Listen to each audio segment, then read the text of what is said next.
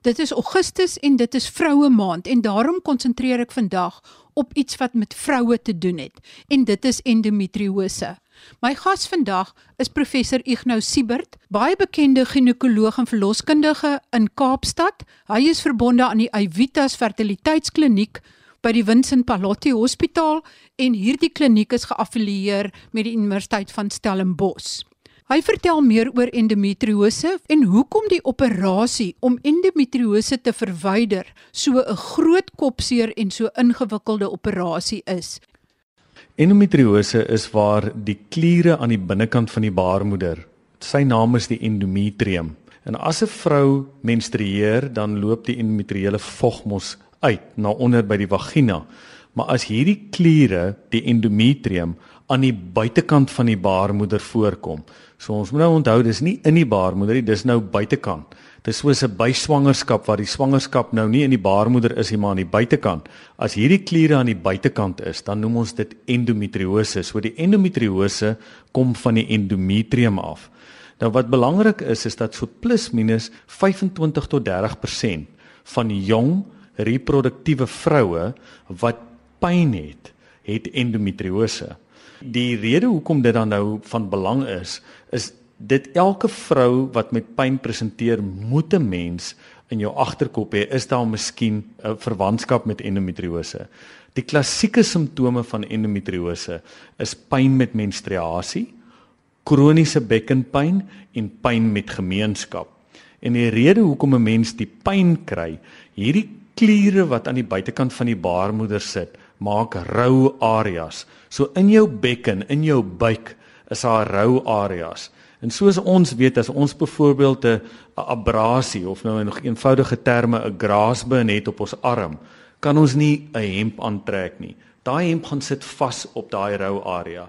En dis wat met endometriose gebeur. So die endometriose se pyn is dan afhanklik van hierdie rou areas aan die buitekant van die baarmoeder en die darm of die eierstok of die buis gaan sit daarin vas en dit veroorsaak dan primêr pyn maar ook dan sekondêr infertiliteit wat meer die pasiënte dan ook kan presenteer. So endometriose is dan die normale kliere wat aan die binnekant van die baarmoeder is wat nou aan die buitekant voorkom. So die vraag is dan hoekom gebeur endometriose? Nou daar's in die teksboeke is daar 5 hipoteses. Nou ek gaan nie deur al 5 hipoteses gaan nie, maar die maklike een om te verstaan is soos ek gesê het as 'n vrou menstrueer, loop hierdie menstruele vog by die baarmoeder uit in die vagina in. Maar daar's 'n oop pad mos deur die baarmoeder, deur die buis tot by die eierstok as 'n mens wil swanger word wat die spermpie moet loop. Nou hierdie endometriële vog kan dan nou ook die pad van die spermpie volg, soos wat die sperm sou volg en dan deur die buis loop. Ons noem dit retrograde menstruasie. So die menstruasie loop nou nie nooit die normale pad nie, maar terug deur die buis en gaan sit aan die buitekant van die baarmoeder. Nou jy vra gaan dan wees hoekom het alle vrouens dan nie endometriose nie. So dit is of ek is geneties vatbaar daarvoor om endometriose te ontwikkel of die manier hoe my immuniteit, my immuunrespons hierdie endometriële vog hanteer wat aan die buitekant van die baarmoeder is, veroorsaak dan die endometriose. So dit is dan die retrograde menstruasie. Nou as 'n mens dan nou vra oor al die ander teorieë, mens kry ook vroue wat sonder 'n baarmoeder is wat ook endometriose ontwikkel. En 'n hysterektomie byvoorbeeld, ons gaan net nou praat oor behandeling, is nie die antwoord vir die behandeling van endometriose nie. So daar's ander redes hoekom endometriose ook dan ontwikkel en dit is ons praat van die maklike ene is 'n induksie teorie. Dis selletjies op sekere plekke wat dan begin muteer en dit vorm endometriose. So dit is weer eens die immuniteitsrespons as ook dan my genetika. Ons moet net onthou en iets wat ek nie net nou gesê het as ons gepraat het oor die simptome nie. Daai algemene drie simptome, die pyn, die pyn met gemeenskap en die pyn met menstruasie. Dit is as ons net daarna kyk, kan dit 1 uit 3 vrouens voorspel. So dit is 'n 33% van vroue met endometriose het daai drie simptome. So dit sê dan ook vir 'n mens, jy kan nie net luister as ek pyn het, het ek endometriose nie. So hoog as 10% van alle vroue met endometriose het geen simptome nie. So simptome is maar net vir ons 'n rigtingwyser om te sê ons moet miskien gaan kyk of ons moet die pasiënt ondersoek is daar nie miskien endometriose nie maar jy kan nie 'n diagnose maak net op simptome nie Waarop maak jy dan 'n diagnose? Wat het jy nodig om 'n diagnose van endometriose te maak? Ek het net nou gesê hoekom ontstaan dit? Daar's 'n groot genetiese faktor. So mense sal vra, jy weet uit ma of sussie of tannies, is daar miskien endometriose in die familie? Dis 'n een faktor. Ons sal dan luister na die geskiedenis. Is daar hierdie pyn wat ons oor gepraat het, is dit betrokke? En dan sal ons 'n ordentlike ondersoek doen. So mense sal 'n sonar doen. Die enigste enigste endometriose wat 'n mens met 'n sonar kan sien, is as die endometriose 'n cyst van die eierstok gemaak het, maar ons kan geen ander endometriose sien nie. So dit help nie ek doen 'n sonar, jy het al die pyn en ek sê vir jou daar is nie endometriose nie, want ons kan dit nie met 'n sonar diagnoseer nie. So as ons dan nou sê geneties klink dit asof daar wel 'n geskiedenis is die simptome lyk so die ondersoek voel ons jy's baie teer as 'n mens 'n vaginale ondersoek doen en dis meer die absolute finale antwoord by die diagnose van endometriose is om dan 'n laparoskopie te doen. So 'n laparoskopie is waar ons dan met 'n kamera in die buikholte ingaan en dan hierdie area sien, biopsies neem en dit stuur vir histologie. Dit is op die einde van die dag die éventuele diagnose is om dit te sien en dit te bevestig met 'n biopsie.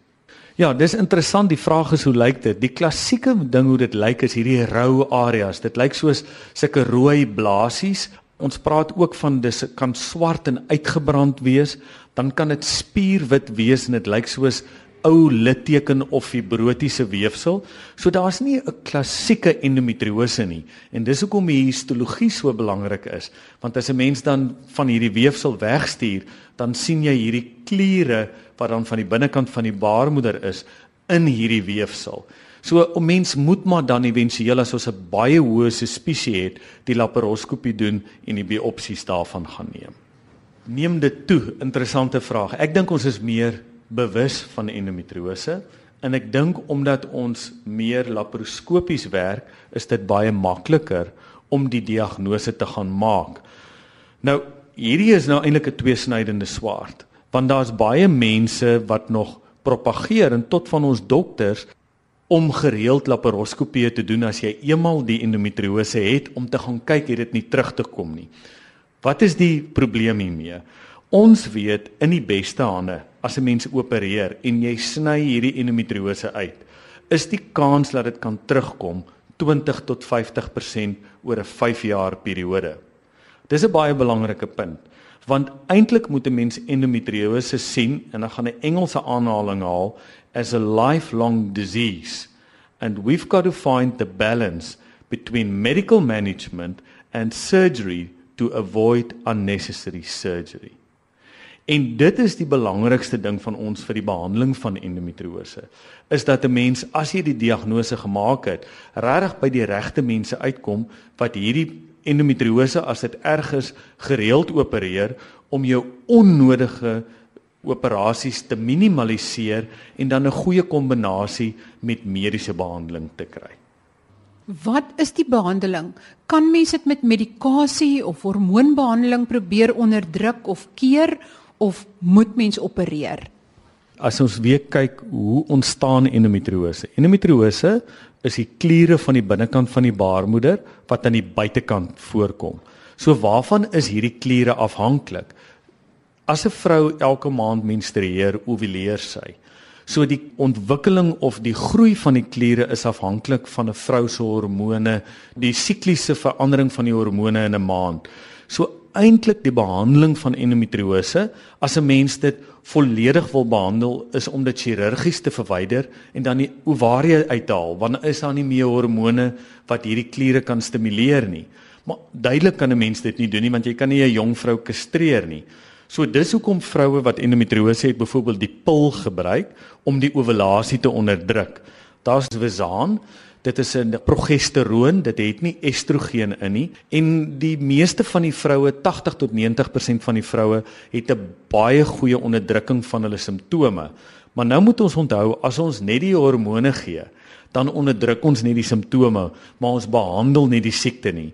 So die oomblik as ek dan die hormone ophou wat my ovulasie onderdruk, dan gaan ek mos weer begin ovuleer en ek gaan weer simptome begin kry. So nou kom ek weer terug na my initiële stelling of die stelling wat ek in Engels gemaak het. Dit is die goue balans tussen die regte chirurgie en hormonale behandeling wat 'n mens dan moet doen vir die jong vrou wat presenteer met endometriose. Klassiek as ek wil swanger word, kan ek mos nie op hormonale behandeling gaan nie want dit is alles dan nou mos maar basiese kontrasepsie. So dan moet ons opereer. As ek nie wil swanger word nie, is die balans tussen chirurgie en hormonale onderdrukking dan nou die ideaal. So in die jong meisie wat presenteer die jong uh, meisie voordat sy dan nou getroud is en wil swanger word, sal 'n mens dan of eerste hormonale onderdrukking gee. Is jy nie suksesvol nie, sal 'n mens opereer. In die vrou wat se gesin reeds voltooi is, sal 'n mens presies dieselfde benadering hê. Dit hang dan af natuurlik oor die simptome en wat ek gediagnoseer het. As ek 'n sist het op die eierstok, moet ons die sist normaalweg gaan verwyder en dan op hormonaal onderdrukking sit. Maar as ek net wil swanger word, is hormonale onderdrukking definitief nie deel van jou behandeling nie. So die dokter wat 'n mens behandel, sal dan éventueel besluit in hierdie geval, want alle gevalle, elke vrou is 'n individu en is uniek, sal 'n mens dan besluit is dit chirurgie, is dit hormonale behandeling of 'n kombinasie van die twee.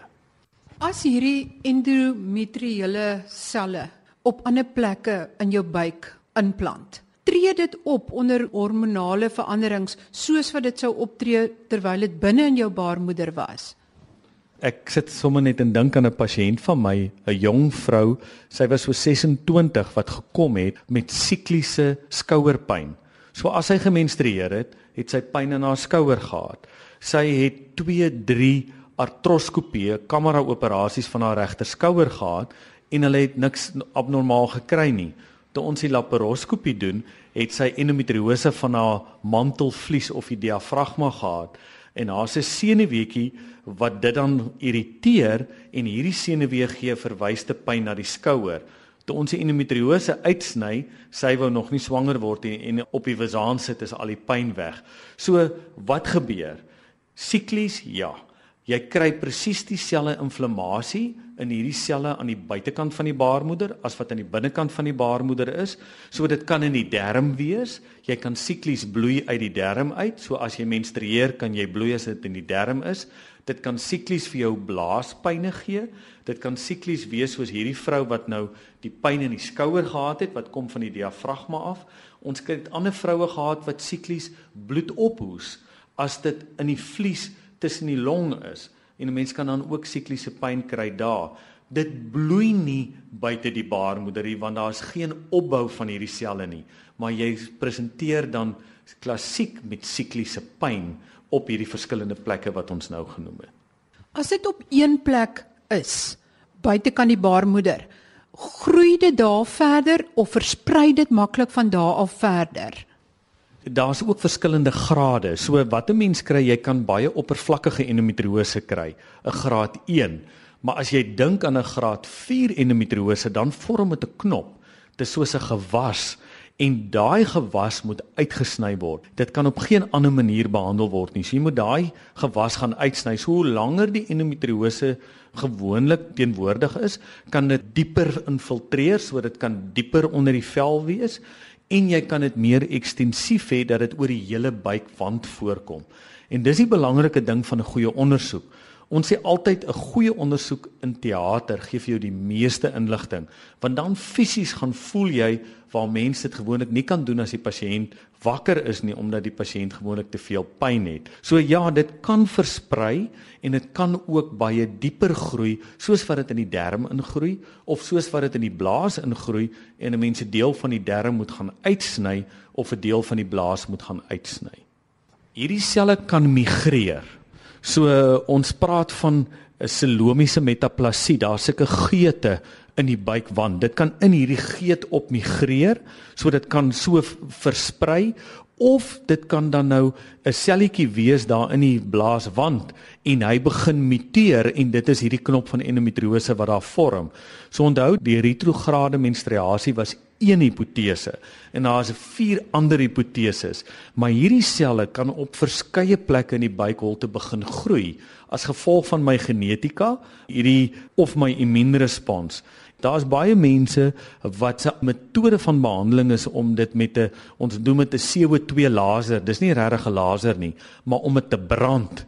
Maar as dit dieper is as 3 mm, kan jy dit nie brand nie, dit moet uitgesny word. En dit is hoekom dit dan aanleiding gee tot hierdie herhaaloperasies.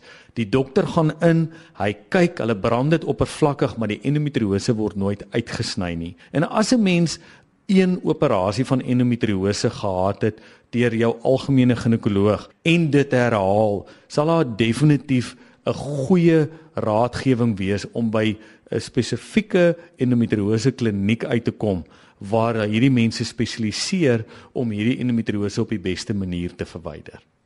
Hoekom is dit so groot probleem? Dit is vir almal 'n kopseer. Ek het gesê net nou, jy het 'n 20 tot 50% kans dat dit kan herhaal. Maak nie saak waar jy geopereer word nie. Of jy in Kaapstad, Pretoria, Parys, New York geopereer word, jou kans is 20 tot 50% dat dit kan herhaal. So die ideaal is om so min as moontlik te opereer omdat dit 'n groot kans het om te herhaal, maar so goed as moontlik daai operasie die beste te gebruik en dan as jy wil swanger word so vinnig as moontlik swanger word, as jy nie wil swanger word nie, hierdie endometriose dan onderdruk. So die een kant is daar's 'n hoë insidensie van herhaling. Ons het al jong vrouens gehad, jonger as 30 wat al 11 laparoskopieë gehad het en dit is totaal en al verkeerd. Want ek bedoel dit is duidelik is hier net een opsie van behandeling toegepas en ons gaan kyk as daar potensieel weer endometriose ontwikkel. En dit is verkeerd. Dis absoluut verkeerd daai manier van behandeling. Die eerste probleem is hoekom dit vir ons 'n kopseer is, is dat daar 'n groot kans is dat dit kan herhaal. Die tweede probleem is erge endometriose chirurgie word geklassifiseer as die moeilikste chirurgie, ginekologiese chirurgie wat daar is. As jy in Europa is, is daar 'n spesifieke endometriose klinieke en in Amerika waarna toe jy gaan. In Suid-Afrika word dit nog baie keer deur die algemene ginekoloog geopereer wat nie die korrekte opleiding het om dit te opereer nie en dit is dan die onnodige chirurgie wat 'n mens elke 6 maande tot 'n jaar kry van die probleem word nooit ordentlik uitgesorteer nie. Die probleem van endometriose, dit kom gereeld terug. Dit is baie ingewikkelde chirurgie maar om net aan mekaar te opereer op die einde van die dag met ons operasies doen ons dan baie meer skade as gevolg van littekenweefsel as wat ons goed doen en die littekenweefsel soos ons almal weet kan 'n mens nie opereer nie. As jy litteken het en jy sny dit uit maak jy weer 'n litteken. So as 'n mens by daai punt uitgekom het, is daar nie meer regtig behandeling daarvoor nie. As jy minimale endometriose het, minimaal tot matig, jou algemene ginekoloog kan dit opereer. Maar die oomblik as jy by ekstensiewe endometriose kom, moet jy by endometriose klinieke uitkom by dokters wat spesialiseer op die behandeling van endometriose. Ek neem aan die meeste van hierdie operasies om die endometriotiese weefsel te verwyder word laparoskopies gedoen. Nou, kan jy bietjie beskryf as jy nou ingaan en jy begin om te opereer, moet jy dit letterlik selletjie vir selletjie verwyder of hoekom is dit so ingewikkeld? Baie van hierdie selle kan 'n mens baie keer nie sien nie. So jy moet die hele area verwyder wat jy sien.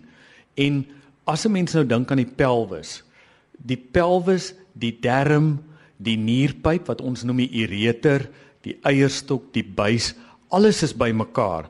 So die grootste gevaar as ons praat van ekstensiewe chirurgie is hierdie selle wat op die darm sit. Mense maak 'n gat in die darm wat hulle nie van weet nie potensieel is dit 'n lewensbedreigende komplikasie.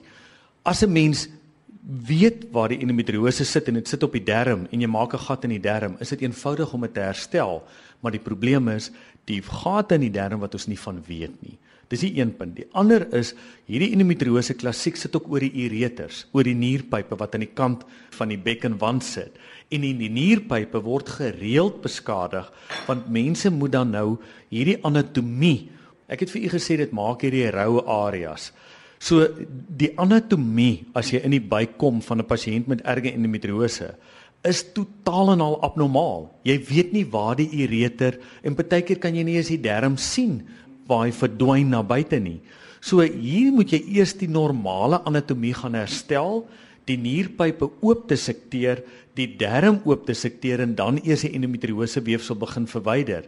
En dis hoekom hierdie tipe chirurgie werklik by eenhede moet wees waar die dokters dit gereeld opereer en ook saam met chirurge, spesifieke kolorektale chirurge opereer waar hierdie chirurge dan saam met jou die darm verwyder.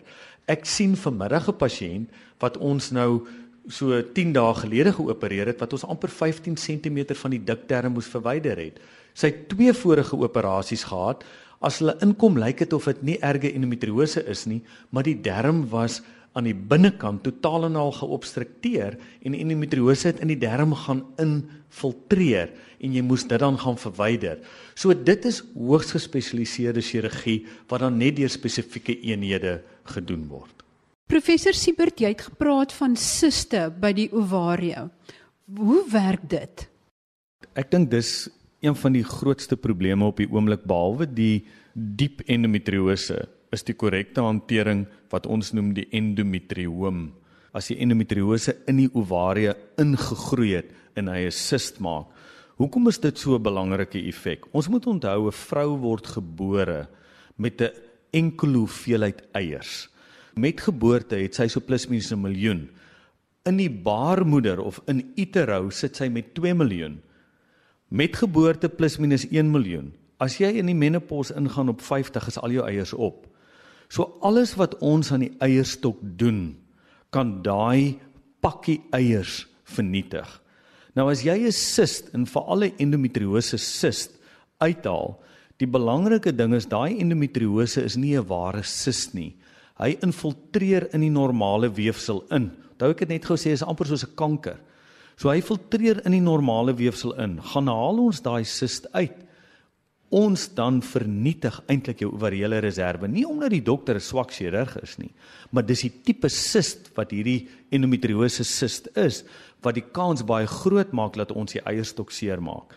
Daar's baie goeie data om te wys daar's net een vrou met endometriose wat 'n swakker uitkoms het as enige ander pasiënt en dis die vrou wat sy eierstokke voorheen geopereer is. So hoekom? Want die oomblik as ons haar eierstok opereer, dan verwyder ons die potensiaal van die normale ovariële reserve. Die sist van die eierstok van endometriose in 'n jong vrou wat nog wil kinders hê, is 'n verskriklike sensitiewe situasie. Op die meeste moet 'n mens daai sis dreineer en hom net brand. As jy egter ouer is en jy's ouer as 41 met hierdie sis in jou familie is voltooi, dan is daar weer goeie data om te wys ons moenie dit net los nie, want daar is 'n kans so amper 2 tot 3% kans dat dit kan kanker vorm. So ons sit nou met twee tipe vrouens. Ons sit met die ouer vrou, ouer as 41 met 'n endometrioom wat nie meer wil kinders hê nie. Daar moet ons baie aggressief wees. Ons moet die hele sistwand verwyder. Maar in die jonger vrou, die 20-30 jarige vrou wat nog wil kinders hê, moet ons weer verskriklik versigtig wees dat ons nie so baie van die eierstok se reserve verwyder dat sy eendag nie meer eiertjies het as sy haar kinders wil hê nie. En ek dink dit is die groot penarie waarin ons sit met die sis van endometriose van die eierstok. Ons het nou 'n studie gedoen wat ons gesien het dat as jy twee siste het, sis aan elke eierstok, ons praat van bilaterale endometriome en jy daai siswand verwyder, vernietig jy soveel as 70% van die vrou se reserve. So ons moet baie versigtig wees en dit is dan spesifiek, ek sê weer, die tweede operasie is die tweede opinie. As die dokter die eerste sist van jou verwyder het en daar's weer 'n sist, moet asseblief nie dat dit net verwyder word nie, want jy is die ou wat op 'n stadium geen eiertjies gaan hê as jy jou kinders wil hê as gevolg van die herhaalde operasies op die eierstokke. As jy dan 'n finale boodskap het vir iemand wat dink sy het endometriose of wat reeds weet dat sy endometriose het, wat sal dit dan wees? Die eerste een, as ek pyn het, die drie tipe pyne, ek het kroniese bekkenpyn, ek het pyn met menstruasie, ek het pyn met gemeenskap, het ek 'n 1 uit 3 kans as ek 'n jong vrou is om endometriose te hê. Kom by jou ginekoloog uit as jy wil swanger word en jy sukkel om swanger te word, laat die mens dan 'n laparoskopie doen en die diagnose bevestig. Indien 'n mens 'n erge graad van endometriose het na die eerste behandeling, vra vir jou ginekoloog watse graad endometriose het ek. Het ek 'n graad 1, 'n 2, 'n 3 of 'n 4? As ek 'n graad 3 of 'n 4 endometriose het, kom by die ginekoloog uit wat hierdie operasies op 'n gereelde basis doen. Jou ginekoloog sal jou kan wys vra waar is die endometriose klinieke in die area wat jy is of kontak ons en ons sal jou kan riglyne gee waar ons dan op die SASREC webtuiste die www.casreg.co.za jy kan daar ons kontak of jy kan myself kontak by ons kliniek en ek sal vir jou verwys na die area waar jy moet wees want dit is nie net ons wat dit doen nie daar's baie goeie goed opgeleide dokters oor die land wat hierdie operasies kan doen. Maar asseblief, as jy die eerste operasie gehad het, wees by die regte spesialis vir die tweede een en as jy 'n derde een moet kry, moet jy baie groot vrae vra. Hoekom word ek 'n derde keer geopereer as ek nie by die regte kliniek of by die regte spesialis is nie? So die boodskap dan is As ek hierdie pyn het, kom by my ginekoloog uit, maar die antwoord is definitief nie gereelde operasies nie, maar eerder 'n enkel goeie operasie of 'n tweede goeie operasie by die regte spesialis. Baie dankie aan my gas professor Ignou Siebert, verbonde aan die Evitas Fertiliteitskliniek in Kaapstad. Gaan kyk gerus op die webwerf vir verdere inligting en ook na die skakel na die SASREG webwerf waar jy dan ginekoloog kan kry wat spesifiek in endoskopiese en endometriose chirurgie gespesialiseer het. Die webwerf is casreg.co.za. Tot volgende week wanneer ons kyk na breinbeserings in rugby spelers. Groete van my, Marie Hudson.